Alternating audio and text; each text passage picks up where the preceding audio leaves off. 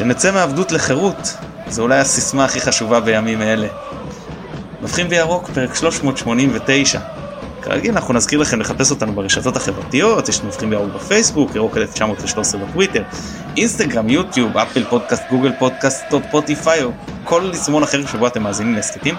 לחצו subscribe והיו הראשונים לקבל עדכון בכל פרק חדש שלנו שיוצא. איתי בערב חג זה אופק לא ספורט 5. אופק, מה שלומך? אהלן אהלן, מה קורה מתן? בסדר גמור. כיף להיות. אני מת- מתן גילאור, ובוא נצא לדרך. רוצה לנבוח אופק?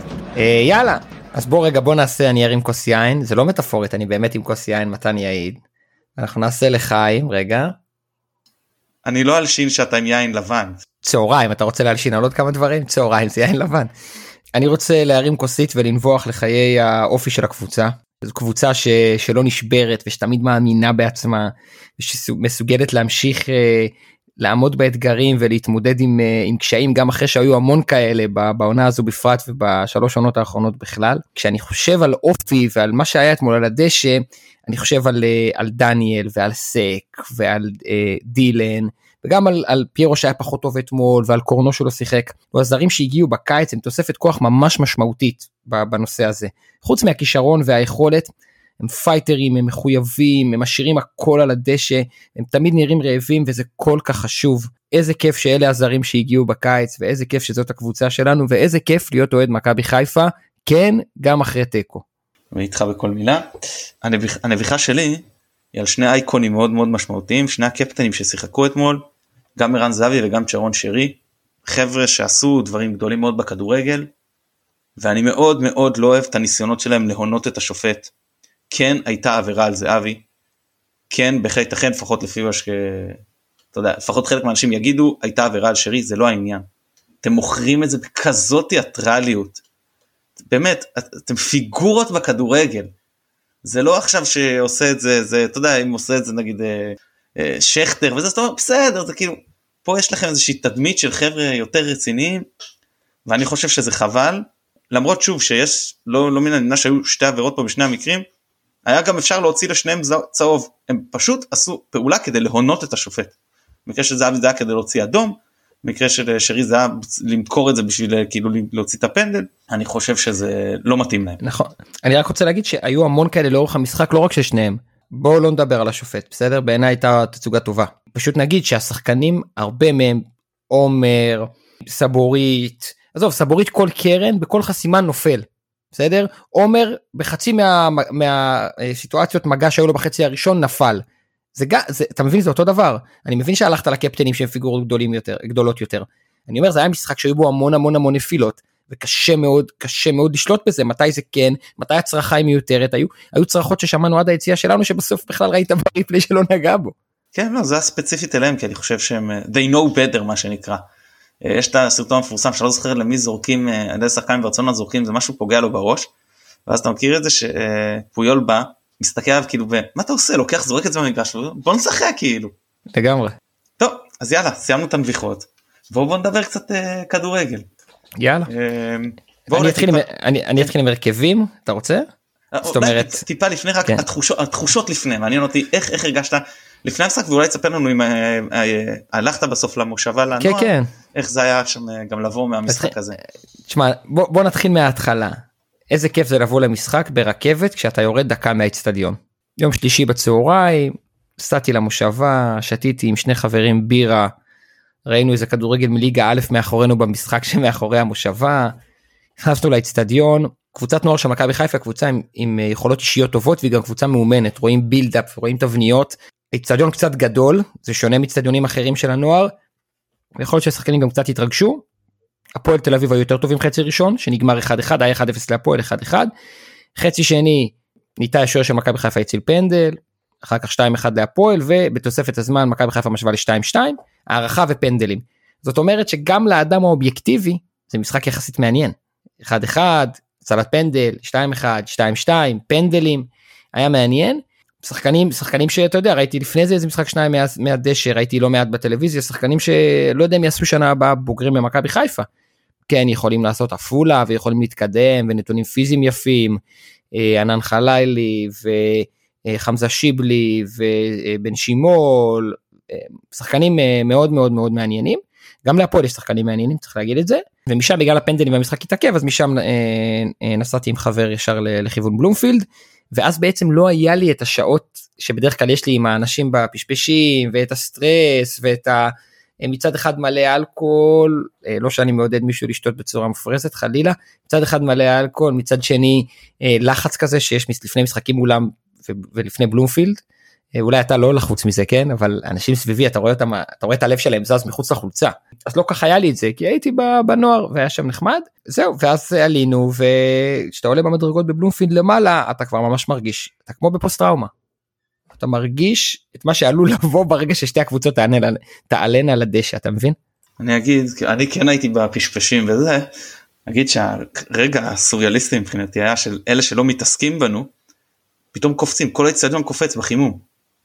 אז אמרתי לחבר שהיה לידי אמרתי לו יופי אשדוד בטח עלו ליתרון כאילו הם, הם מבחינתם לפי מה שאני חשבתי לפני עוד במאבק אליפות מנצחים אותנו שבע הפרש יש זמן עד הסיום זה, זה בית עליון קצב סבירת הנקודות נמוך יותר. יש להם יש להם באר שבע עוד שישה ימים. נכון נכון בסדר. והם יכולים לצמצם אתה יודע הם מנצחים פה אם באר שבע לא מנצחת הם מנצחים בטרם הם עוברים גם את באר שבע. ואז חשבתי לי לא זה 1-0 להפועל באר שבע. הם חגגו שער של באר שבע. העיקר שאנחנו לא מעניינים אותם כן. ברור בוודאי. אז השער נפסל גם כן אבל זה היה באמת לא לא לא לא האמנתי למראה עיניי. אם נגיד זה היה משחק אתה יודע כמו שאז היה לנו נגדם ב-6-0 זה היה לאליפות כבר אז הייתי אומר אוקיי בסדר אני מבין שהם יעדיפו את באר שבע עלינו אבל כשלכם עוד יש סיכוי וזה לא היה רק סיכוי תאורטי עכשיו זה כבר קצת במקום של סיכוי תאורטי אבל לפני המשחק זה לא היה רק סיכוי תאורטי. זה היה סיכוי מעשי לא גבוה אבל מעשי. בוודאי בטח כשהם אם הם מנצחים אותנו הם באים לבאר שבע אחרי שלוש משלוש אחרי שבאר שבע הפסיד את המשחק האחרון הגדול שלה כשהפער ביניהן לא כזה גדול. כן, זהו זה היה אז בוא, בוא נדבר באמת על uh, הרכבים עם מי אתה רוצה להתחיל עם, עם המארחת. לא אני אתחיל אני אתחיל איתנו yeah. בסדר מקובל עליך אז מכבי חיפה מכבי חיפה עולה ב-433 אה, דניאל סונגרן מגן ימני סק בלם ימני דילן בלם שמאלי ורמי גרשון מגן שמאלי. כשברור שרמי גרשון הוא לא מגן שמאלי טבעי ולכן בכל מיני סיטואציות שאולי אפשר לדבר עליהן עוד מעט הוא יצטרך לצופף פנימה קצת ושאיזשהו שחקן יישאר על הקו כמעין קשר שמאלי. אה, אבל התחיל קו התחיל קו 4 כזה עלי מוחמד היה 6 ג'אבר היה 8 בשמאל שרי היה סוג של 10 בימין דיה סבא בכנף שמאל עומר אצילי בכנף ימין ופיירו אה, בשפיץ בעצם לא שונה מהמערך שמכבי חיפה משחקת רוב השלוש שנים האחרונות. כן אה, ראינו מההתחלה שבניסיון לעשות בילדאפ זאת אומרת בניסיון להביא את הכדור מהשליש הראשון לשליש השני מכבי חיפה פותחת בצורה דומה רמי גרשון מרווח שמאלה דיה סבא הולך קדימה כשהמטרה היא שמי שלוחץ את רמי גרשון אה, יצטרך להיות צמוד אליו ומי שהוא מגן ימני צריך להיות עם דיה סבא ואז שייווצר בור באמצע למחמוד ג'אבר. זה היה הניסיון של מכבי חיפה מההתחלה. מה שקרה בפועל זה שהמערך של מכבי תל שכבר נדבר עליו הצליח למנוע את זה רוב הפעמים וראינו שבגלל הקושי של רמי גרשון בשמאל וגם דילן הוא לא בלם שמאלי אז שיחקו ימינה וניסו לעשות דברים דומים בימין. דניאל יצא עם הכדור הצילו ללחוץ אותו עומר יהיה על הקו ימשוך את המגן ושרי יבוא ביניהם לנסות לקבל את הכדור. שוב רעיונית זה בדיוק מה שאמורים לעשות בבילטאפ כשלוחצים, כשלוחצים אותך 4-4-2 אמ, מעשית היה מאוד קשה להתמודד עם האגרסיביות של מכבי תל אביב לא בפעם הראשונה עכשיו תורך נראה לי. טוב בוא נדבר גם על מכבי תל אביב. מכבי תל אביב עלו לכאורה 4-4-2 קווים. וזה 4-4-2 קווים מאוד דינמי לכיוון הכאילו יהלום.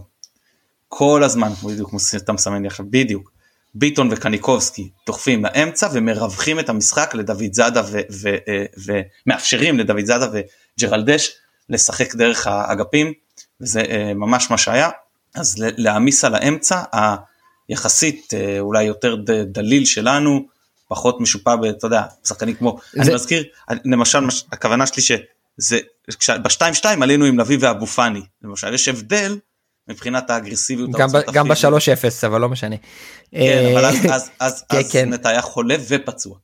לא רגע אה, זה, זה לא עניין אני רוצה להגיד משהו אתה צודק כדי לא לקרוא לזה יהלום בסדר אפשר לקרוא לזה box בעצם הרביעיית קישור של מכבי תל אביב יוצרת סוג של ריבוע. גלאזר ופרץ ומעליהם ממש ביטון וקניקובסקי וזה נובע בין היתר מהתכונות של ביטון וקניקובסקי שהם לא שחקני כנף. היכולת שלהם לבוא לאמצע עם הכדור, לאיים על השער, לחפש מסירות לעומק, להצטרף מקו שני, הרבה יותר איכותית מאשר יכולת שלהם לעשות דריבל על הקו ולהרים. כן, כשכמובן גלאזר אמון על להישאר מאחורה ולגרזן, ופרץ, אני מזכיר מאוד מאוד את ה-2-0 שלנו בנתניה, איך קראו לשחק... יגבור. לא יגבור, כן. סוג של אה, שחקן שכל הזמן נכנס לאמצע, כולל למצבים בתוך הרחבה, והיריבה, אנחנו כאילו לא רוצים לתת את זה, אבל יותר חשוב לנו להיצמד ליובנוביץ' וזהבי, לקחת בחשבון שכן, יכול להיות ש, שבנזק שלנו זה שפרץ יצליח להגיע למצב או שניים מתוך הרחבה, אה, זה יכול להסתיים בשער, יכול לא להסתיים בשער, אבל זה סיכון שאתה לוקח ובמקרה הזה זה הוכיח את עצמו במקרים אחרים זה פחות יוכיח את עצמו כן. זה בטח עדיף על לתת חופש לזהבי ויובנוביץ' כן. אתה בוחר את הרעל שלך אלא אם אתה מצליח לעצור הכל שזה כמובן יותר טוב. עכשיו אני רוצה להגיד לך משהו לגבי אה, המערך שלנו. ומה שאני אתה נגעת בדברים יפה אני, אני מה אני פחות אהבתי.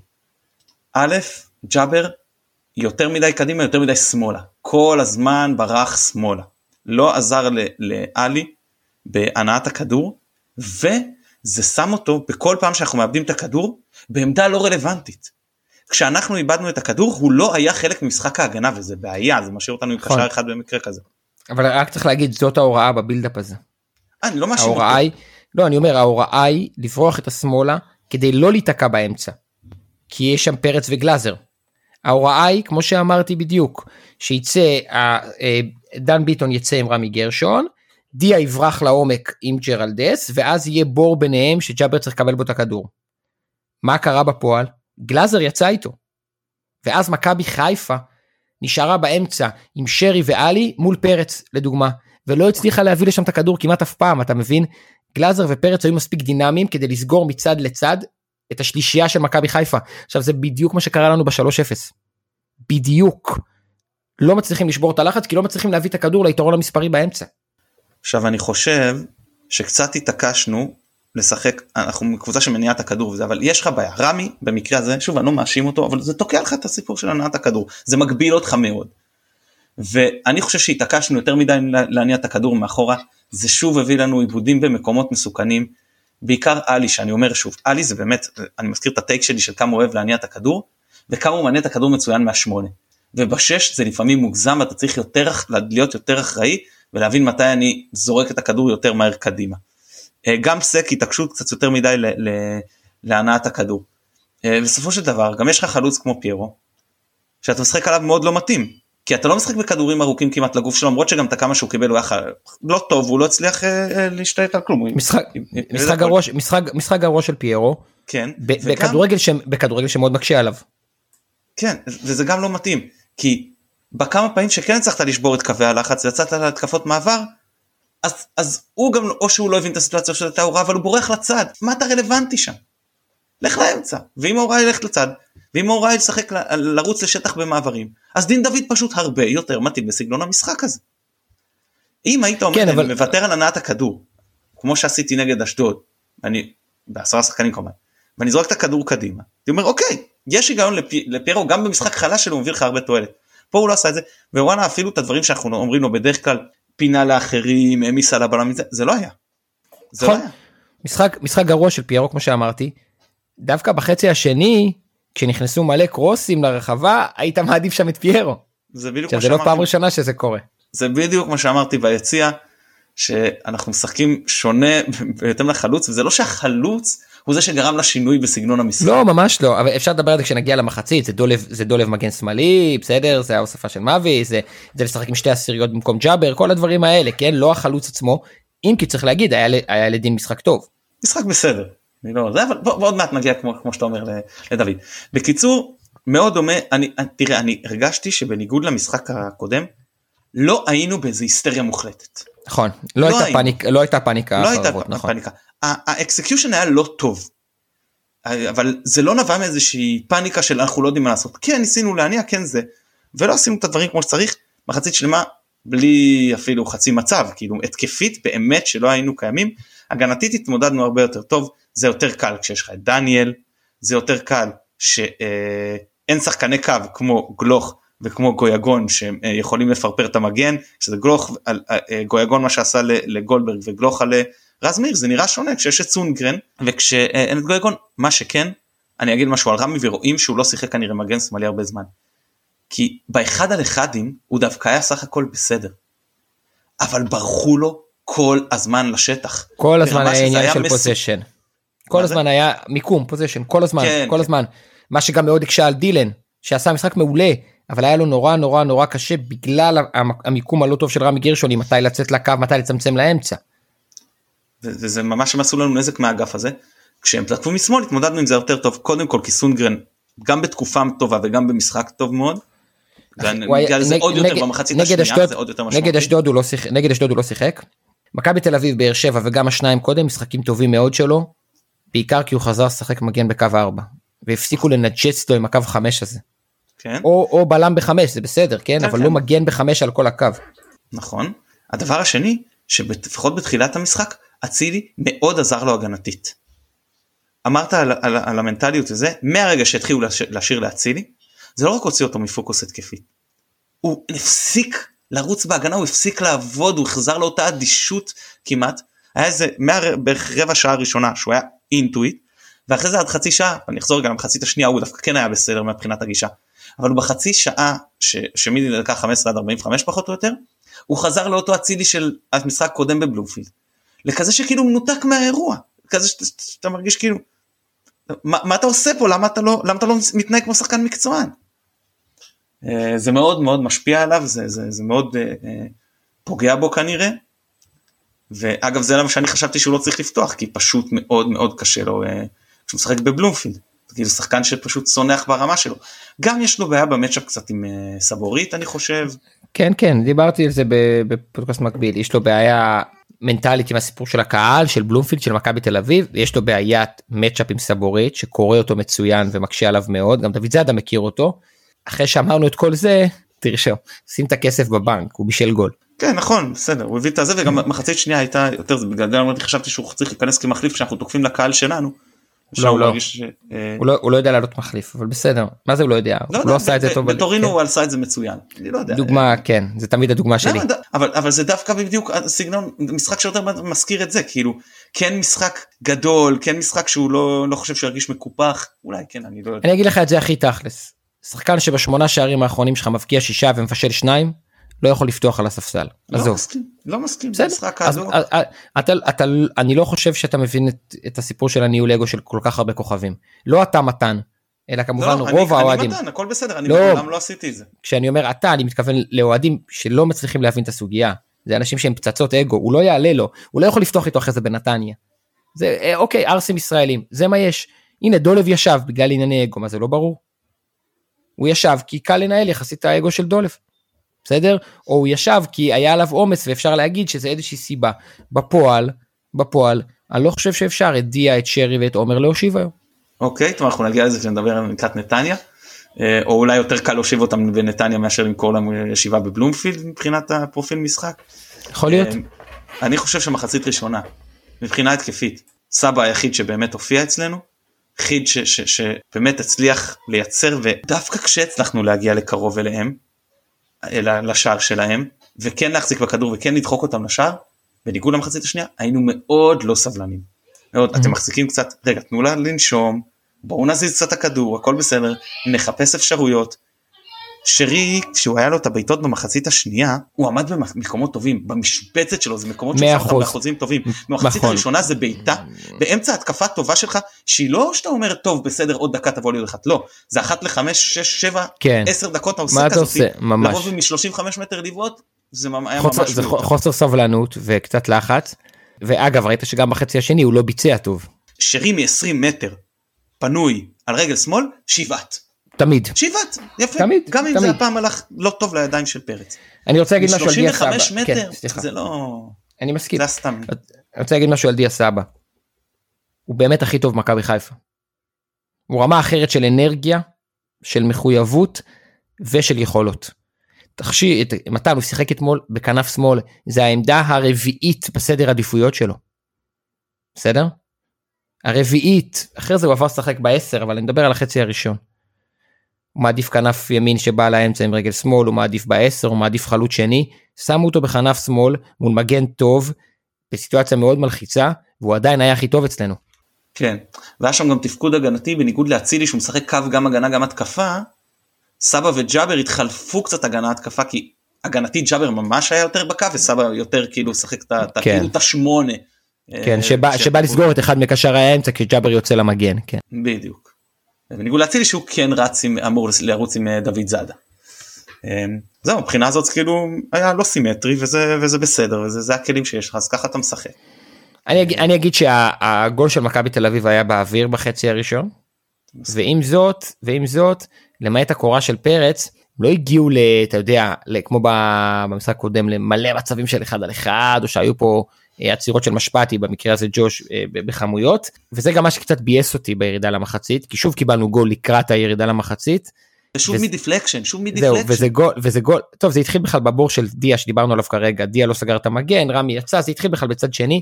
ג'וש יכול היה להדוף יותר טוב קצת לא רוצה להגיד יד כי בעיניי לא היה אבל בסדר.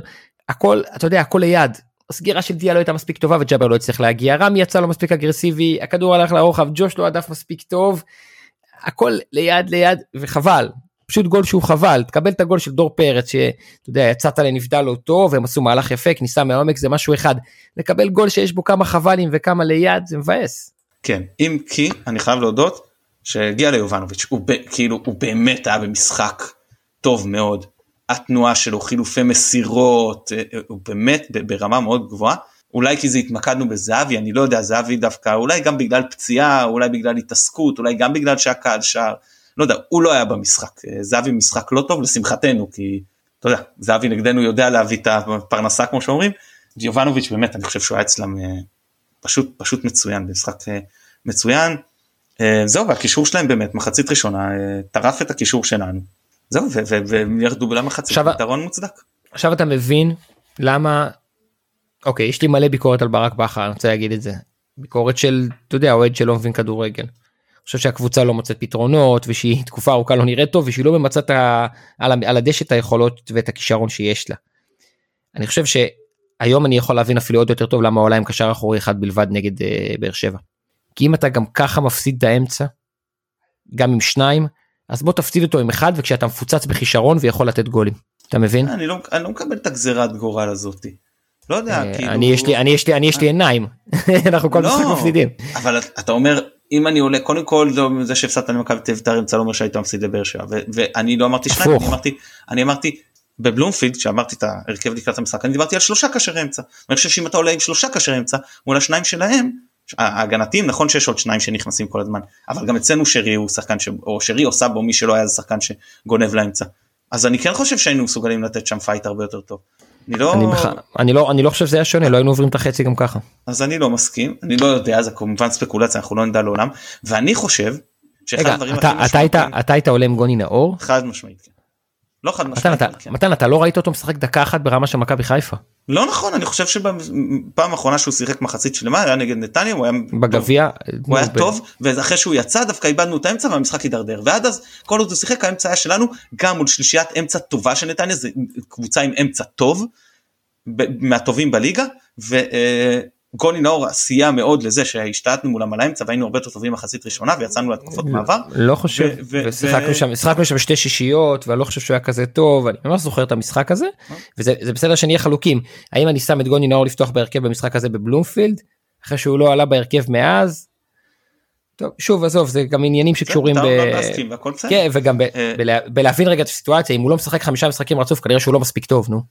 לדעת בכר ואני יכול לחשוב אחרת זה גם בסדר בכר מבין כמובן יותר ודאי. אין שום ספק זה בסדר ועדיין מותר לי לחשוב שפה ושם הוא טועה.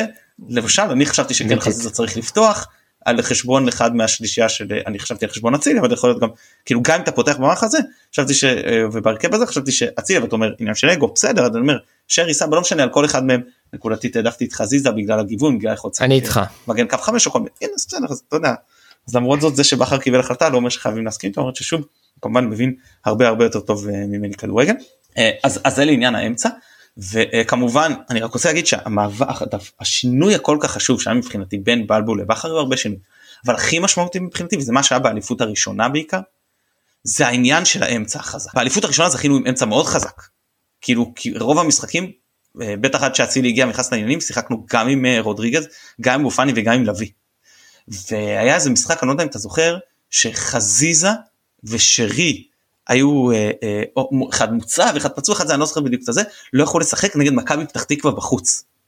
ויאניק פתח אחרי תקופה שהוא אה, גם לא היה טוב וגם אה, אה, לא פתח בה. הנה חמישה משחקים לא פתח בכל זאת פתח במשחק לא סתם ואפילו יצא במחצית. ואחרי המשחק ניצחנו אותו עם גם שער של נטע לביא אם אתה זוכר ממצב נייח. ואחרי המשחק כתב לי בן דוד שלי כתב לי חזרנו לאמצע החזק שלנו שהביא שוב את הניצחון. עכשיו אני לא אומר שתמיד נכון. ברור שיש טוב שיש לך גיוונים ונכון שהאמצע שיש לנו היום זה לא רודריגז לביא ואבו פאני ש, ו, וברור שכאילו נאור זה לא רודריגז ו, ו, ו, וג'אבר זה לא לביא ואבו פאני בכלל לא היה זמין לנו למשחק.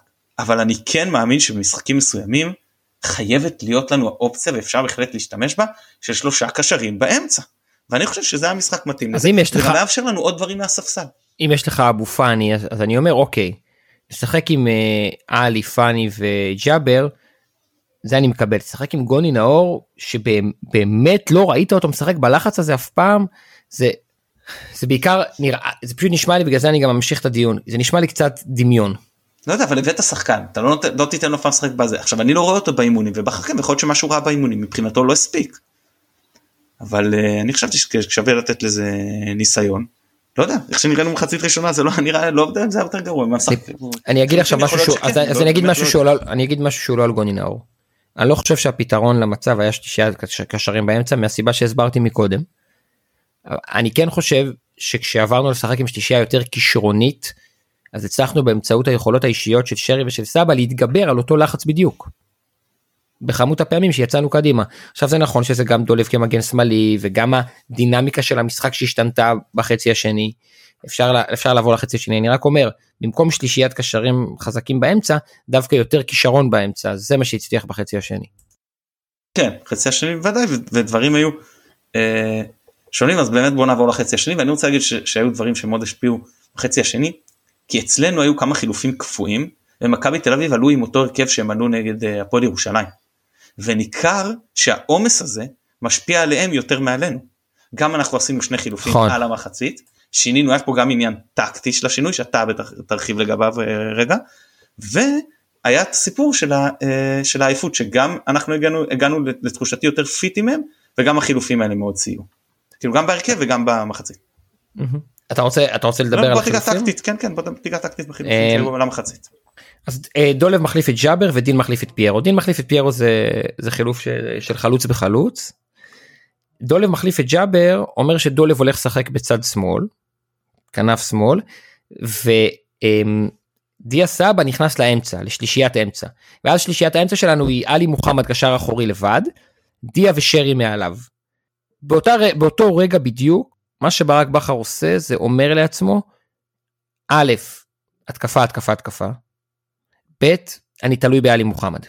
כשהחילוף הבא וכל מי שהיה לידי ידע את זה יהיה להחליף את רמי בשחקן התקפה כדי שדולב יהיה מגן שמאלי אגב חילוף שחשבתי שהוא צריך לעשות במחצית ואני בכלל דיברתי לפני המשחק על לעלות בקו 4 עם דולב שזה נשמע לאנשים מופקר אבל בעצם טוב עוד שנייה אני אני אגיע רגע להבדל בין החצי הראשון לחצי השני במה שקשור ללחץ שלנו. עוד אמ, שתי נקודות על החילופין. רגע רגע אני, אני על זה עדיין. אה, אוקיי. ברגע שאלי מוחמד משחק 6 לבד ושרי וסבא משחקים את העשיריות מעליו ביחד זה אומר שהם חייבים חייבים לבוא לכדור. חייבים לבוא לכדור. וכשהשני שחקנים הכישרוניים האלה באים לכדור ומעורבים הרבה במשחק, קורים דברים טובים, גם אם זה נגמר רק בשבעה איומים לשער. קורים דברים טובים. אנחנו יוצאים להתקפות, אנחנו מגיעים לשליש האחרון, הכדורים מגיעים לשניים על אחד בכנפיים וכולי. זה עשה עוד שני דברים. אחד, זה הפך אותנו לקבוצה יותר סימטרית, ולפעמים פשטות יכולה לסדר קצת את השחקנים, בעיקר כשבמשחק שפחות הולך, וב' זה החזיר שחקנים לעמדות, הטבעיות שלהם.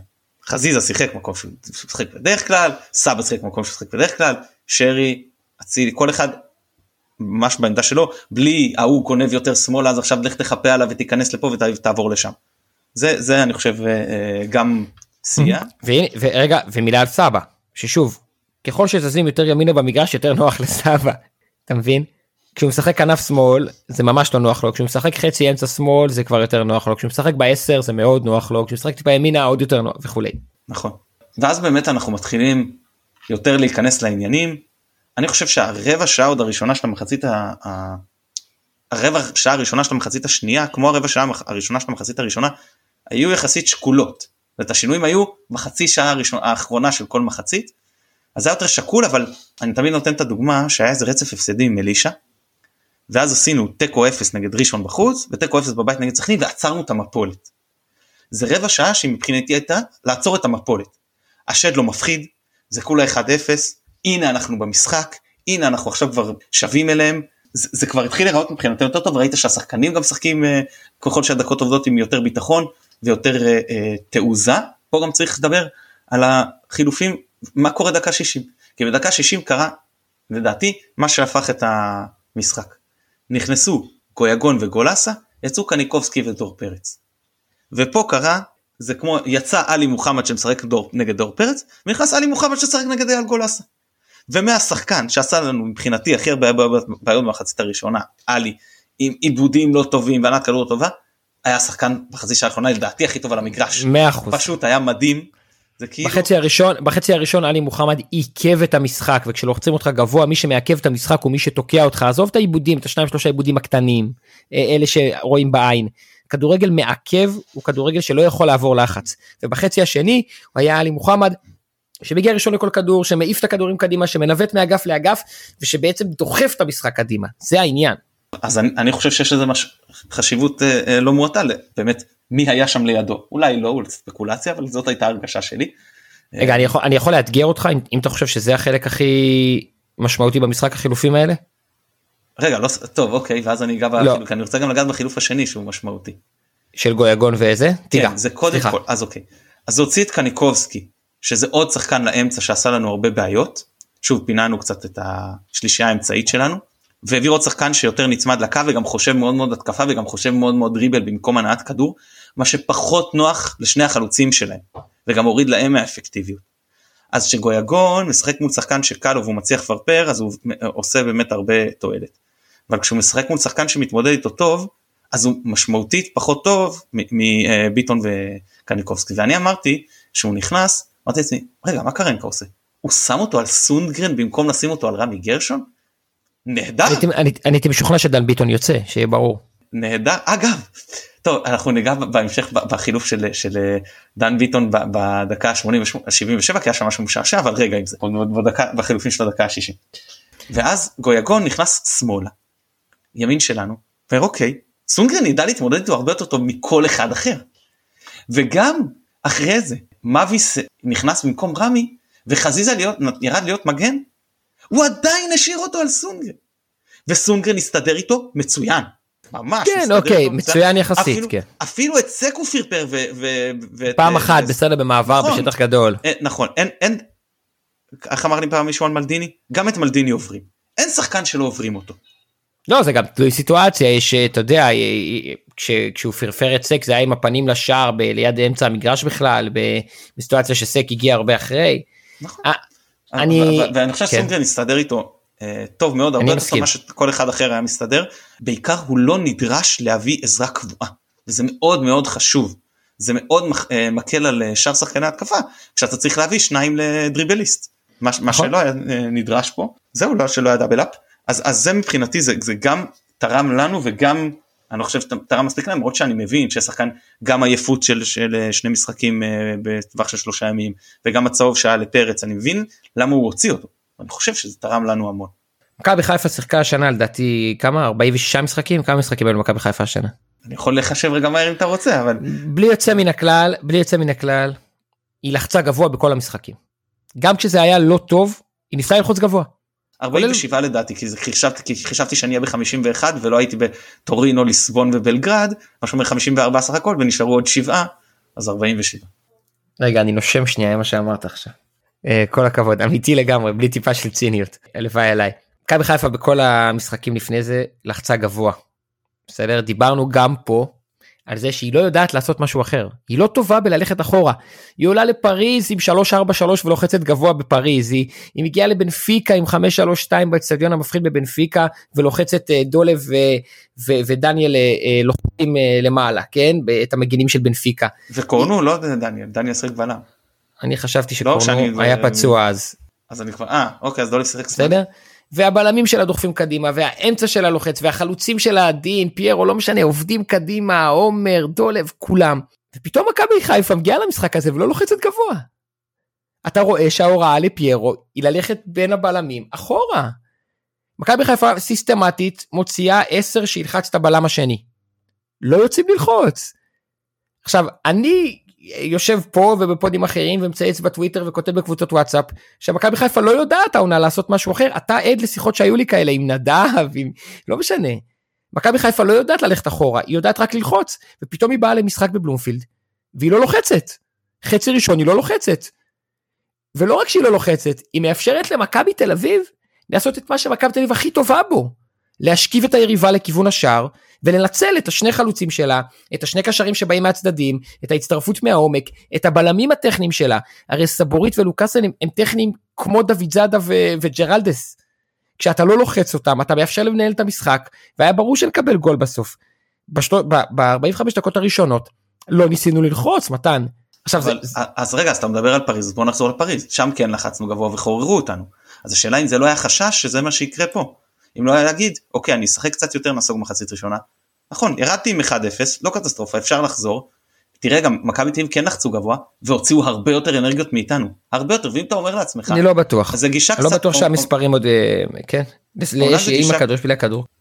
אומנם גישה שיכולה להיות קצת תבוסתנית אבל אה, ראיתי אותה מישהו כתב פשוט בקבוצה אחרת ומישהו כתב לו זו גישה תבוסתנית אבל גם גישה של אני יכיל רגע את המחצית הראשונה שאני יודע שהיא יותר קשה שלי, אני אנסה לרדת בנזק מקסימלי ותן להם להתרוצץ הרבה יותר ולהשקיע הרבה יותר במחצית השנייה שאני תוקף לשער שלי ואני אה, אה, באופן די אה, עקבי לא תמיד אבל בסך הכל הרוב נגדם יותר טוב במחצית השנייה ואז אני אבוא ללחוץ גבוה אז אה, יכול להיות שזו גישה יותר נכונה אה, אני לא יודע כן או לא אני רק אומר מה אז, הם מעלו וזה אפשרות. אה, מה, ש, מה, ש, מה שאני רוצה להגיד זה שראיתי 20 ומשהו משחקים של מכבי תל אביב העונה.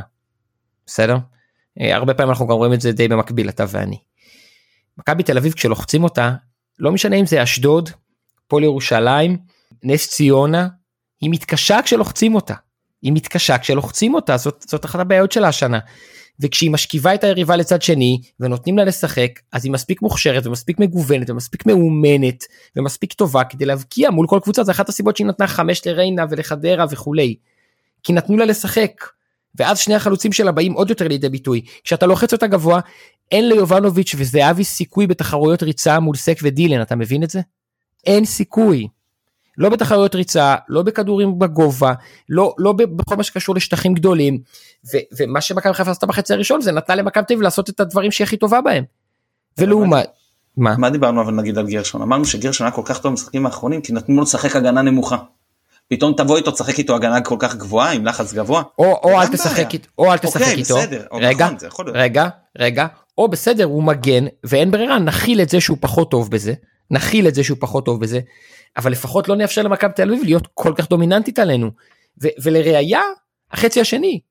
כי, כי בחצי השני ראית את דיה סבא ואת שרי העשיריות יוצאים ללחוץ גבוה ראית שבכנפיים לוחצים גבוה פתאום מכבי תל אביב פרץ מחזיק את הכדור לא יודע מה לעשות איתו. פתאום מכבי תל אביב היא זאת שצריכה את ה-15-20 שניות כשהכדור מגיע לשוער שלה כדי רגע להתאפס. זה מה שקרה שם. עכשיו, אני מחבר את זה, אני מחבר את זה לנקודה אחרת שרציתי להגיד. אני חושב שיש לנו שני בלמים חריגים מאוד מאוד ביכולות שלהם אה, לעומת הליגה. והכי קל עכשיו זה לדבר על סק. כי, כי הוא כל כך טוב וכל כך הרבה משחקים רצוף והנה הגול שלו וכולי. דילן עשה אתמול מאבקי הגנה 11 מ-12, מאבקי אוויר 5 מ-5, תיקולים 1 מ-1, חטיפות כדור 6, חילוצי כדור 11, 37 מסירות קדימה ב-95% הצלחה. סבבה? מציע לאנשים לשנן את זה. כי, כי דילן היה ממש ממש ממש ממש טוב.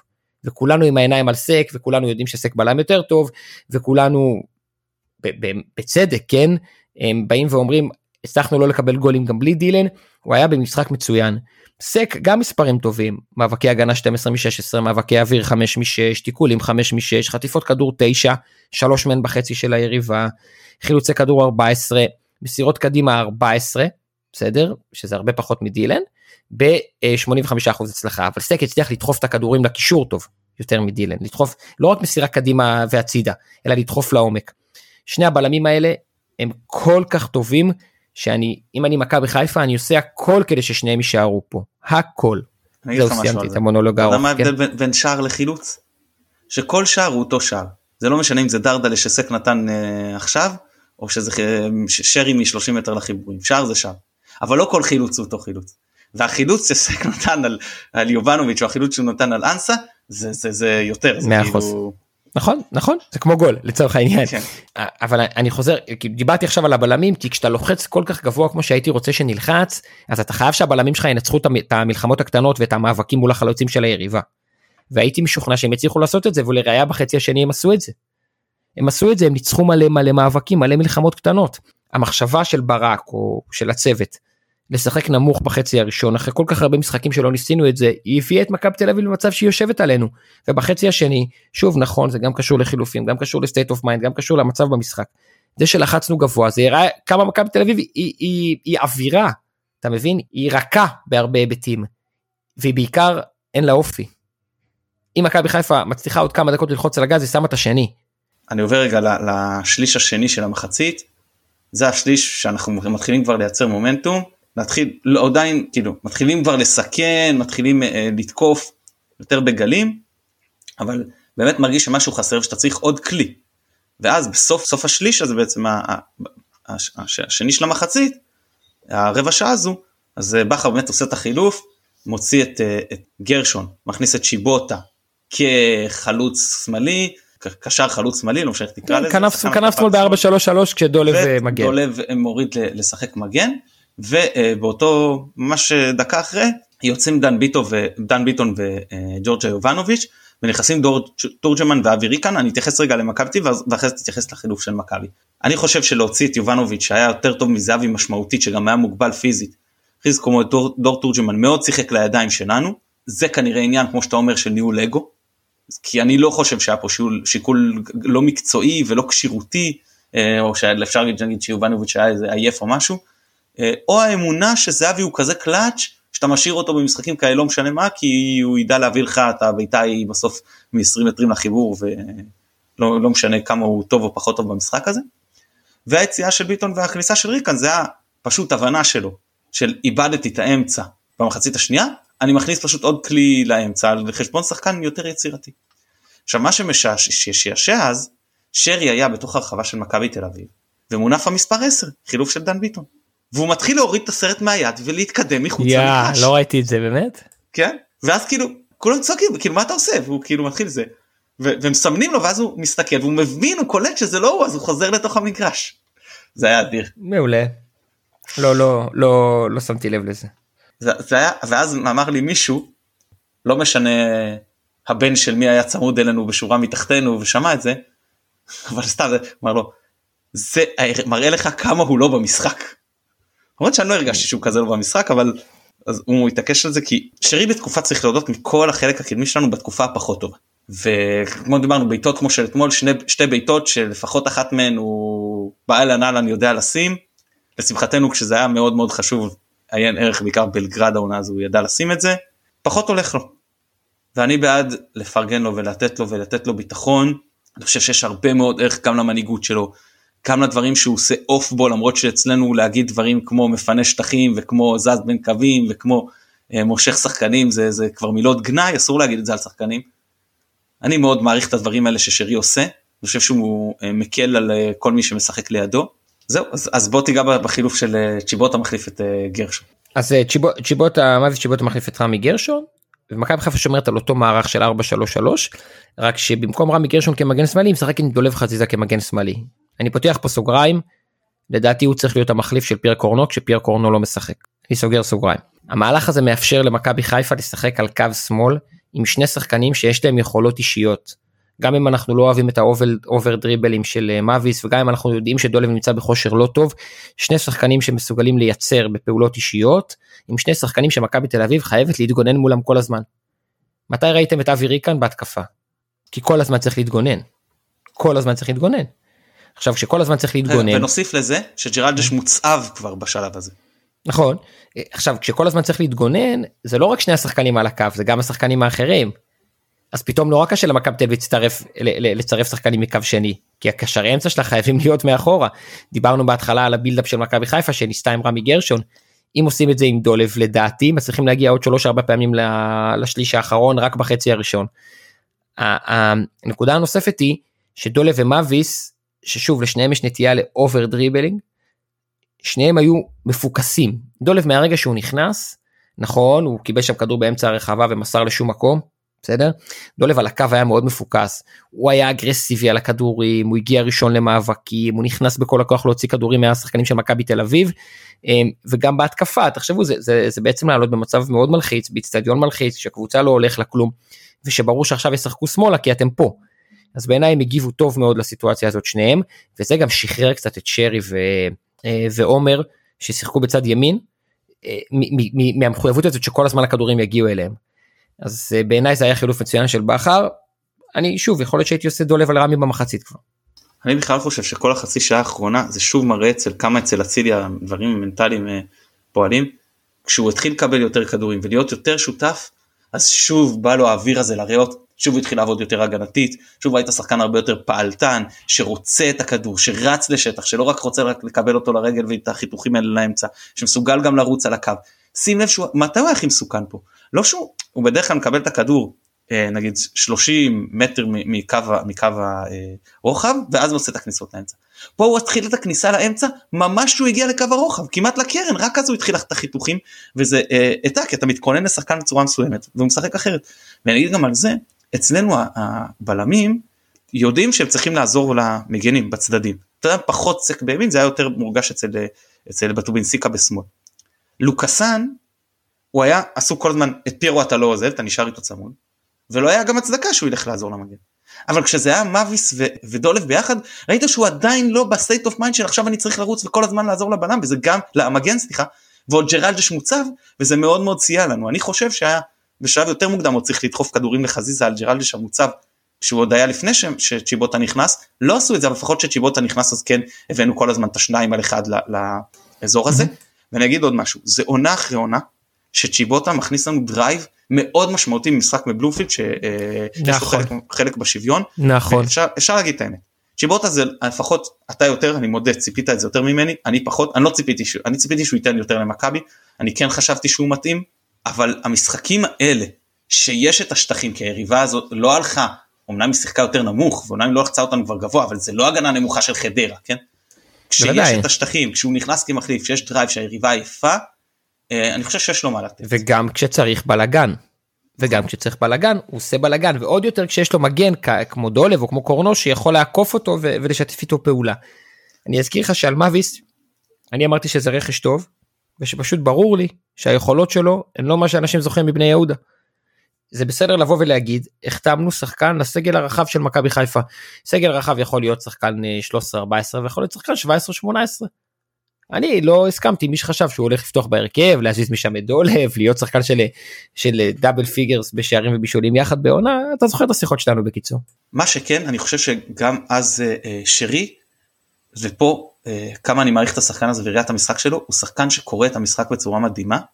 אני לא יודע אם זה הוראה של בכר או פשוט ההבנה שלו. הוא התחיל לבוא לשחק שחקן אמרנו תמיד משחק אה, הרבה יותר קרוב להצילי פה הוא בא הרבה פעמים שמאלה. אני בטוח שמת לב לזה. הוא בא ולשחק עם, הש, עם השניים האלה.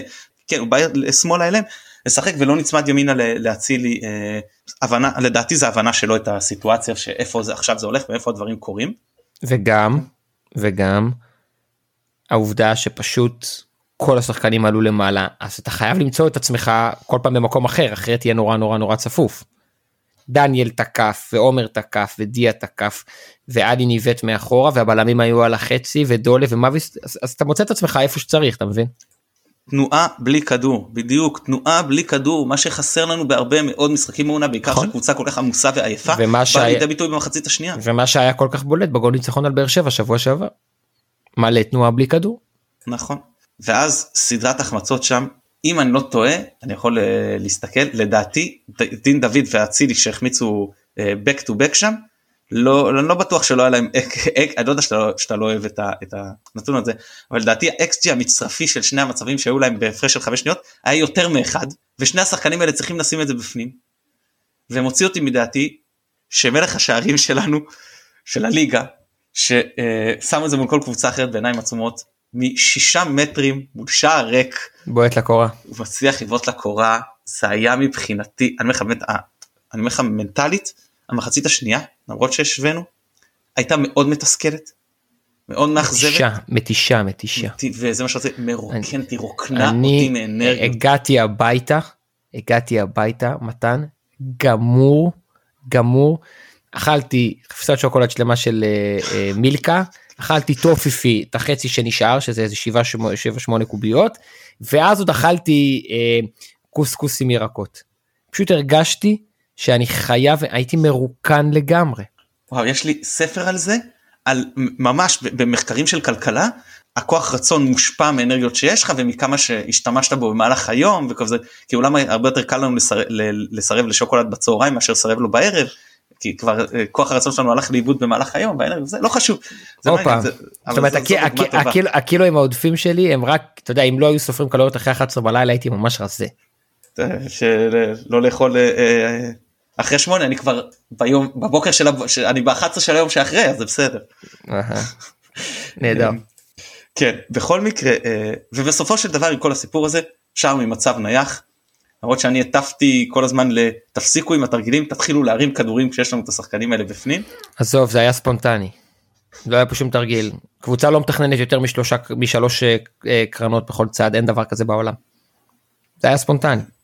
כן חוץ מזה שאגב כן. הגיע הזמן שיתחילו להקפיד בכל הליגה על תשעה מטרים גם בקרן. זה אה וואו זה מה. זה קריטי זה ממש זה היה קריטי. ברמה אבל של של אני לא יודע אם אתה ציני או לא בקטע הזה עכשיו. מה זאת אומרת לא אני רציני לגמרי אה. גם כי מכבי חיפה עושה מלא תרגילים וגם כי זה גם אם אני גם אם שחקן שלי חורג בתשעה מטר תעיפו אותו אחורה ברור לא יודע על הוויתור וההקפדה וזה גם אפילו מסומן יש לך כאילו קו אתה צריך טוב אולי צריכים לעשות שם קשת ודי. זהו אז אז שער באמת שוויון כזה דרדלה באמת אני התפוצצתי ביציע כי חשבתי שאנחנו מאוד מאוד מאוד ראויים לזה. כמו שאמרת אם המשחק הזה היה ממשיך עוד 10 דקות יכול להיות שהיינו מנצחים אותו כי כן כשאתה רוצה באמת היינו היינו עם יותר אנרגיות. אה, אה, ממש ממש ולחצנו גבוה ומכבי תל אביב למעט אתה יודע מעבר פה מעבר שם לא הצליחה להגיע למצבים. באחד אחד אגב ההוא של שנה שעברה הם הענישו אותנו על הלחץ הגבוה הם הגיעו למצבים מסוימים גלוך שם לאיזה שני מצבים ועוד אני לא זוכר כן כן שעוד היה כבר 1-0 כן. כן שעוד היה אה, 1-0 כן דאבל פס והפעם הם זה לא הם לא הם לא הצליחו לעשות את זה גם בגלל היכולת של בלם שמגיע ל-36 קמ"ש כן? זה גם חלק מהעניין. כן וגם בלם שני. לא לזלזל בו הוא באמת היה משחק לא לא ממש טוב פשוט היה פחות פחות אה, עניין של המעברים הוא היה טוב אני לא אמרתי שלא הוא פשוט אה, ספציפית נקודתית אה, היה את המעבר המסוכן ההוא שהוא לקח. אז אה, אז אה, שרי עם הפנדל הגבולי שם בסדר אז לא. ושרי עם בעיטה לשער מ-20 מטר שבדרך כלל הוא או שם ברשת או לפחות גורם לשוער להדוף אתה יודע עדיפה ממש קשה. אה, ועומר שבועט לקורה ועומר עם הראש שיודע לעשות ועומר עם הראש. מעל השער ודין שנפסל לו בנבדל גול אגב איזה כיף שהוא הבקיע את זה כי הוא היה חד בפעולה שם. בסדר גם שהיה נבדל אני רוצה להגיד שאני יצאתי שם טיפש ואני בבית אני אני מאוד מאוד מורגל גם בחוץ אבל פה בבית בעיקר כשדין כובש אני ישר ראש לכוון ישר. וחגגתי פה חגגת אוי ואבוי. קפצתי אוי ואבוי. שער של דין לראש לכוון. לא קשור אה, לדין אני גם אה, חיפשתי פסילה אצל סק שלא היה על מה לפסול. בקיצור היו שם חמישה שישה אירועים בחצי השני שהם לא יודע אם שווים גול אבל הם שווים כמעט גול. וקבוצה שמגיעה לחמישה שישה אירועים כאלה במחצית שווה את הגול. יאללה עכשיו אני אה, מתקיל אותך סטטיסטית. לא יודע אם בדקת או לא אבל שים את הדוח של המנהלת בצד אם לא לא ראיתי הסתכלת. לא ראיתי כלום הנתונים שנתתי על דילן וסק זה חבר אה, שלח לי. אוקיי מי החזיקה יותר בכדור במהלך המשחק במצטבר. אה, מכבי חיפה בקצת אני יכול להגיד לך מהראש חצי ראשון אה, מכבי תל אביב משמעותית יותר אבל לא קיצוני איזה 58 42. אז חצי ראשון מכבי תל אביב 53-47. איי איי איי, כן, וחצי כן. שני רציתי לתת איזה 60-40 למכבי חיפה. 61-39, כן. במצטבר מכבי מחזיקה 54 מול 46. עוד זה פשוט מה ששאלתי בטוויטר. שאלה הבאה, איזה כן. קבוצה בעטה יותר לשער? יותר איומים, מספר איומים יותר גבוה. אותו דבר, או מקסימום אחד לפה אחד לפה, מכבי תל אביב בחצי הראשון. כל קבוצה מכבי תל אביב חצי ראשון 6-8, מכבי חיפה חצי שני 6-8, אני יודע. אז התשובה היא, דומה. התשובה היא 11-11 שכל אחד במחצית הדומיננטית, הדומיננטית של השבע וכל השנייה. מה? תשמע אני גאון. והשנייה. בוא'נה אני אמרתי עכשיו 6-8. והשנייה במחצית כן. הפחות טובה שלה 4. זה מה שהיה 7-4 ו-4-7. איזה קבוצה בעטה יותר, יותר איומים למסגרת? אה, אפשר לספור את זה אה, אנחנו באחד בטח. אז הם באחד, חמש מול ארבע. כן. והשאלה האחרונה, למי המספר שערים צפויים גבוה יותר? אני לא משתתף איתך בשטות הזאת. למרות שכמובן, שוב, אני אחזור לזה, יש הבדל בין פרץ שנותן לקורה מתוך הרחבה לאצילי שנותן לקורה מחוץ לרחבה. שזה מה שהופך את המדד הזה לא רלוונטי. כל אחד היה מעדיף את אצילי במצב של אצילי מאשר את פרץ במצב של פרץ. למרות שפרץ עם הגב ואצילי בסיבוב. ובכל זאת, בוא תן לי איזה ניחוש פה. אין לי מושג, אני לא מבין בזה, נראה לי שאנחנו בטיפה. אוקיי, אז באופן נדיר ופעם ראשונה שלי יצא לראות, לשתי הקבוצות בדיוק 1.72. כאילו מהבחינה הזאתי, מבחינה סטטיסטית, למרות ששוב אנחנו, יש פה אמרנו, זה, הסטטיסטיקה הזאת מאוד מטה, כאילו התיקו מאוד משקף. אותו רמת סיכון, אותן בעיטות, אותו, כאילו, אז מהבחינה הזאת אף אחד לא יכול להיות מקופח. Mm-hmm. אבל אני שוב יצאתי מההרגשה מאוד באסה גם אם באר שבע לא היו מנצחים אגב אני מניח שהייתי יוצא ב... ב, ב כי שנה שעברה חגגתי את התיקו אני מודה שנה שעברה כששרי הכניס צעקתי יש אליפות. והשנה התבאסתי ירד לחמש עוד יש לנו טרנר הרגשתי שהיינו יכולים יותר מחצית שנייה כי, כי שנה שעברה סוג של גנבנו את זה. רק ממש ממש בסוף היינו יותר טובים. אבל בסך הכל כל המשחק הם יותר טובים והפעם לא. אז אני יצאתי אני יצאתי מהמשחק מאוד מאוד מאוד אופטימי כשהלכנו לאוטו אמרתי לחבר שזה מחצ... שזו מחצית ש... שבה אחרי שלוש מחציות שהתבטלנו לגמרי מול מכבי תל אביב רצוף וזו מחצית שנותנת לשחקנים מלא אנרגיה לקראת נתניה וזו מחצית שמאפשרת בעיניי לפחות לברק בכר לבוא ולהגיד אני עולה בנתניה להסתער עליהם ואני לא מתחיל לחשב לי עכשיו חישובים נתניה לוחצת גבוה נתניה שלישייה באמצע אני עולה להסתער עליהם כי זה מה שיש לי למכור עם הקבוצה הזאת. זה מה שיש לה, אלה האנרגיות שיש למכבי חיפה, ש, ש, שעשתה קמפיין מוקדמות צ'מפיונס פסיכי ועשתה שלב בתים היסטורי והצליחה להגיע למצב שהיא מובילה בסוף הסיבוב השני את הליגה והנה בפלייאוף היא כבר אה, 7 מ-9, אין לשחקנים האלה אנרגיה לדברים שהם לא בוא ננסה לדרוס את היריבה. אוקיי אז שנייה לפני שאם כבר התחלת נתניה עוד רגע נעבור לדבר על אה, נתניה אז אני רק אגיד אה, אנקדוטה קטנה שבדרך לא, לאוטו זה עובד מכבי תל אמר לנו חכו חכו שנחזיר את יונתן כהן מחול זה באמת היה מאוד מאוד משעשע לראות אתה יודע מישהו ברוח טובה יודע אה, נהדר נהדר נהדר הקבוצה שלו זה היה אה, באמת מאוד נחמד. ואני חושב שגם הם הבינו כאילו אה, בסופו של דבר שהם אה, פה די איבדו את האפשרות לאליפות זהו אז אה, בוא נעבור לדבר על אה, נתניה אז אני אגיד רגע קצת לקראת על, על מכבי נתניה פתחה את הבית העליון על הפנים שלושה הפסדים מה שיצא לראות ולא יצא לראות כל המשחקים כי זה היה מקביל אלינו והכל. אבל uh, קצת תקצירים מורחבים וקצת עוד כל מיני דקות משחקים רע. זה, זה, זה לא אותה נתניה זה לא איזה מקרי אתה יודע הפסדים שנפלו פה על, על דברים מקרים אלא הם פשוט משחקים לא טוב. זהו מגיעים בעומס כמונו עם סגל מן הסתם יותר קצר כשאנחנו יש לנו לפחות שניים שלושה שחקנים שחוזרים טריים או יחסית טריים להרכב שזה גם יתרון ודולף שלו שלא פתח. איך, איך, איך אנחנו נחש בואי ננסה רגע לנחש את ההרכב שלהם כן אז איתמר לא, בוא, בוא נדבר על זה שגם בהפסדים האחרונים ב-3-2 אה, לאשדוד ב-2-0 להפועל ירושלים זה עדיין אותו 4-3-3 של אה, קוז'וק. השלישייה באמצע היא איפשהו בין אה, אינו גנדלמן אביב אברהם איתן אזולאי נגיד שלושה מתוך הארבעה כן, אלה. קשה לדעת כי שיש שלושה משחקים בשבוע אז גם שגם יותר רוטציה. אני אומר אבל בגדול אלה אלה הארבעה שרוב הזמן פותחים שלושה מהם. יכול להיות רוטמן גם. לא אז רוטמן משחק בדרך כלל בכנף רוטמן ותומאסי. אז זה גם משנה כי היו, היו משחקים העונה שרוטמן פתח. אז אני, הסתכלתי, על השניים שלושה משחקים האחרונים. אז אה, רוטמן ותומאסי בכנפיים זה הימור די טריוויאלי אתה יכול לדבר על אה, אבי ברקוביץ' אתה יכול לדבר על אה, אוזבילו בכנפיים חלוצים יש שניים זרים נראה לי שלפחות נראה לי שבחלק הקדמי זאת תהיה שלישייה שמורכבת משני שחקני כנפיים וחלוץ אחד. זאת אומרת לא יהיה איזה שינוי במערך, זאת אומרת בשיטה של החלק הקדמי, אתה מסכים איתי? כן, ואני מניח שככל שהוא כשיר, זלטנוביץ' שנכנס מחליף אה, נגד הפועל כן. שלהם, כן יפתח נגדנו, כן, ולא- זה גם, ולא בילנקי, לקראת כן. הגביע, לקראת הגביע שהוא נתן לחצי הרכב לנוח, הביא אותם נגדנו, אז, אז, אז הפעם אה, אני מניח שכן הוא החזיר את אה, זלטנוביץ' כדי אה, אני- לפתוח נגדנו.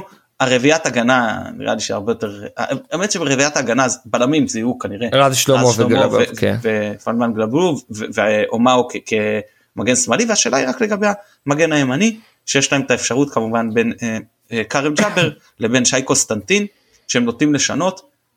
ג'אבר שיחק במשחק האחרון מצד אחד מצד שני אני חושב שהוא פשוט הרבה יותר מתאים לשחק נגדנו ואני אשמח אם קונסטנטין אה, יפתח נגדנו. אם אני צריך אם אני צריך לנחש באמצע זה הולך להיות אה, גנדלמן אינו ואביב כן אינו אברהם. לא פתח אז הוא הפעם יפתח שוב שוב. גנדלמן אינו ואביב אברהם לדעתי.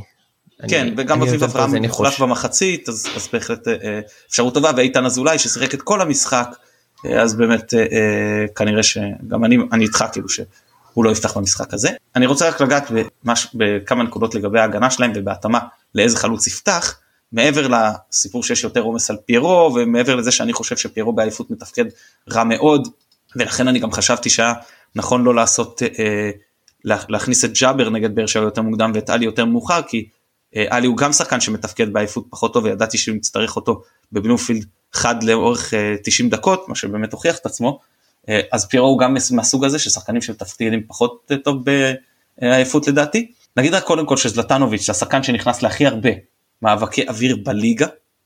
רז שלמה וכלבוב 2 ו3 מבחינת שחקנים שמנצחים מאבקי אוויר זאת אומרת שח- שחקנים שלפיירו יהיה הכי קשה לכאורה אה, מולם. זהו אז אז ואה וגז שלמה השחקן שחילץ הכי הרבה כדורים ב, בליגה ואינו מחלץ הרבה בחצי של היריבה רז שלמה כמובן בחצי שלו זהו ככה כמה נתונים אה, אז בוא בוא נדבר על מכבי לנוכח היריבה ולאור ה... אולי צריך להגיד לאור היריבה ולנוכח העומס שבכל זאת יש בשלושה משחקים בשבוע שאנחנו לא רוצים שאף אחד חס ושלום יפצע לנו כי מה שנקרא חמש נקודות הפרש כולה. אז קודם כל אנחנו מנהלים שיחה מתוך נקודת הנחה שאנחנו לא יודעים מה על אה, היבטים פיזיולוגיים שמגבילים שחקנים. וזה תמיד חשוב להגיד.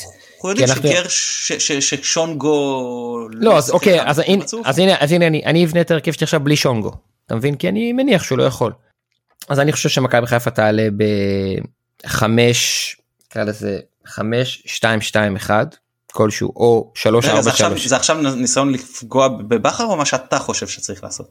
אה, זה מה שאני חושב שצריך לעשות שמן הסתם אוקיי. זה גם תמיד מעורב עם מה שאני משער שבכר יעשה. אז אני חושב ששלושת הבלמים יהיו אה, דניאל בימין סק באמצע ואו רמי או דילן. נראה ניכר שהם אה, מאוד סומכים על רמי ואם זה שלושה בלמים יש מצב שרמי עולה בהרכב וזה גם מצ... מאפשר לנו לשחק עם פיירו חלוץ בהיבט של הזרים. עוד שנייה נדבר על זה. אז שלושה בלמים דניאל סק ורמי או דילן ואז רביעיית קישור בקו אחד ישר, דולב בימין, לידו פאני, לידו שרי ולידו קורנו. בסדר? הבנת? כן. זה שלוש, ארבע ושלישייה קדמית, עומר דיה ועוד דינו פיירו למעלה. אני לא חושב שזה מה שבכר יעשה. אני חושב שהוא ילך לקו 4 כן. עם ארבעת הזרים. אמ, אני חושב שפיירו לא, לא יפתח, אני חושב גם שזה מוצדק, גם מבחינת ההתאמה ליריבה, גם מבחינת, אה, היה לו גם משחק פחות טוב ובעיקר מבחינת העומס. שיחק את שני המשחקים בנבחרת, טיסות מאוד ארוכות, חזר לעבודה קשה נגד באר שבע, חזר לעבודה קשה נגד מכבי אביב למרות שהוא לא היה טוב. ונכון שבשני המשחקים הוא הוחלף, ובכל זאת, אני חושב שזה גם נכון לתת לו פה אה, לנוח וגם אה, לתת לדין הזדמנות וזה הכל בסדר נתניה גם קבוצה שמאפשרת אה, שטחים יכול מאוד לעזור. וגם בגלל שדין אני חושב שיפתח אז אני חושב שהרבה יותר מתאים לשחק עם קו 4 יותר לשחק דרך האמצע ופחות דרך האגפים. אני כן חושב אבו פאני יפתח כקשר יחיד עם ה... כאילו 4 1 4 1 כזה עם אה, חזיזה עם אה, אצילי מהמם. שרי מהמם. סבא חזיזה. אה, כן. לא אני לא הייתי פותח ככה. אני כן הייתי נותן פותח עם ג'אבר ונותן לאלי קצת מנוחה אחרי שהוא באמת עבד כמו מטורף בבלומפילד. זאת אומרת היית עולה עם פאני, ג'אבר ושרי באמצע? כן. אני חושב ש... ו... ו... שונגו יצטרך, אפשר לתת לו לנוח, צריך לקחת בחשבון, שיש סיכוי טוב שנצטרך אותו כאילו סק כרגע לא ישחק נגד הפועל ירושלים. אז כן הייתי שמח ששונגו לא אומנם קצרין איך לא יפתח אבל כן יקבל בהלכה שהוא כשיר דקות שהוא לא יחזור אתה יודע ישר להרכב אחרי הרבה זמן בחוץ. כי אני חושב שהוא חשוב לנו בעיקר אנחנו רוצים לשחק שם קו 4 שבזה רמי פחות טוב וזה גם לא כמו באר שבע ותל אביב שם אתה לא יכול לבוא לשחק נסוג. נגד נתניה אתה עוד אגב יכול להרשות לעצמך לשחק נסוג אם אתה רוצה נגד הפועל ירושלים זה לא ילך אפילו שזו קבוצה ששחקת הגנה גבוהה. אתה, זה לא קבוצה שתתנפל עליך וצריך לתקוף גלים גלים אפילו אם תאפשר לה את הכדור. זהו אז אז ככה אני חושב ש, שבכר אני חושב שבכר יעשה את ה-4-1-4-1 זהו זה שנקרא ניחוש לחל, לחלוטין כן אבל. גם שלי כן רק שיהיה ברור. כש, כשאתה מדבר על זה ככה אז 4-1-4-1 נשמע לי ריאלי מאוד.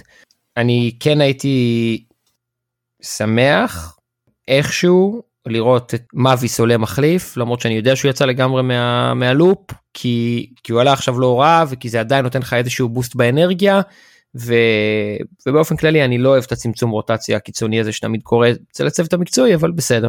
אני מסכים ויותר מזה הייתי מתזמן את זה אם ג'אבר יפתח הייתי מתזמן את זה לחילוף שלו עם אה, קוסטנטין לה, כאילו להעניש אותם על זה שמכניסים עכשיו את המגן ההתקפי לבוא ולשחק עליו עם אה, מאביס וגם קונסטנטין אה, לדעתי לא ראיתי מדידות אבל אני חושב שהוא פחות מהיר ופחות חזק מג'אבר mm, ככה ניכר שמאביס יכול לנצל עליו. אני מודה שאני לא רגוע מול השלישיית אמצע שלהם לעלות שוב עם קשר בעל אוריינטציה הגנתית שהוא גם לא באמת להגיד שאבו פאני זה, זה ממש אוריינטציה הגנתית. הוא לא שש בוא ממש לא וגם כשמונה הוא שמונה די הרפתקני למרות שהוא יודע להיות טיפה יותר אחראי כשהוא משחק את השש אבל אבל זה מה שאני חושב שיהיה ואני לא רגוע מזה כן אנחנו באים במומנטום הרבה יותר טוב כן אנחנו קבוצה הרבה יותר טובה וכן יש לנו סגל יותר טוב כשאם חוזרים להרכב שחקנים טריים כמו קורנו כמו אבו פאני אה, בטובינסיקה רק עם אה, משחק אה, אחד בשבוע אז זה יהיה השני ולא השלישי שלו חזיזה שלו פתח בלומפילד דין דוד או פירו שלפח, ששיחק שהוחלף בשני המשחקים או דין דוד שנכנס מחליף בשניהם. כן. זאת אומרת, אני חושב שנהיה יותר טריים וזה לפחות נותן לי באמת את, ה, את האופטימיות וכמו שאמרת מההתחלה לבוא להתנפל בעיקר כשיש את הסיפור הזה של העומס עליהם יותר גדול מעלינו זהו קווה לטוב. ובאצטדיון שלנו יש, יש לנו אחוזים גבוהים. כן כן אופרה אחרת. זהו נראה לי מבחינתי אני מסתכל עם כל הדברים שכתבתי אמרתי אותם. טוב נהדר. זה אופק אני מאחל לך חג שמח אני מודה לך ממש שבאת שוב אלינו ממש כיף כל הזמן לארח אותך. גם לי. לומד וכיף לי גם הדינמיקה הזאת אני מודה. אחלה מתן איזה כיף תודה רבה ותודה שאתם מזמינים תמיד ושאני מרגיש שכל פעם שאני אבקש אז אתם תקבלו אותי באהבה. אה, ושיהיה חג שמח לך למשפחה לכל המאזינים והמאזינות. אז חג שמח לכל המאזינים והמאזינות. חג שמח לכל אה, המשפחה הירוקה ולעם ישראל ולאזרחי ישראל. מי שיש לו אה, רמדאן קרים למי שזה ופסחא שמח. לצוות שלנו ש... שגם של החבר'ה שמשתתפים וגם של האורחים שעובדים אה, קשה ובהתנדבות אז תודה רבה לכולכם ביי חברים חג שמח יאללה ביי.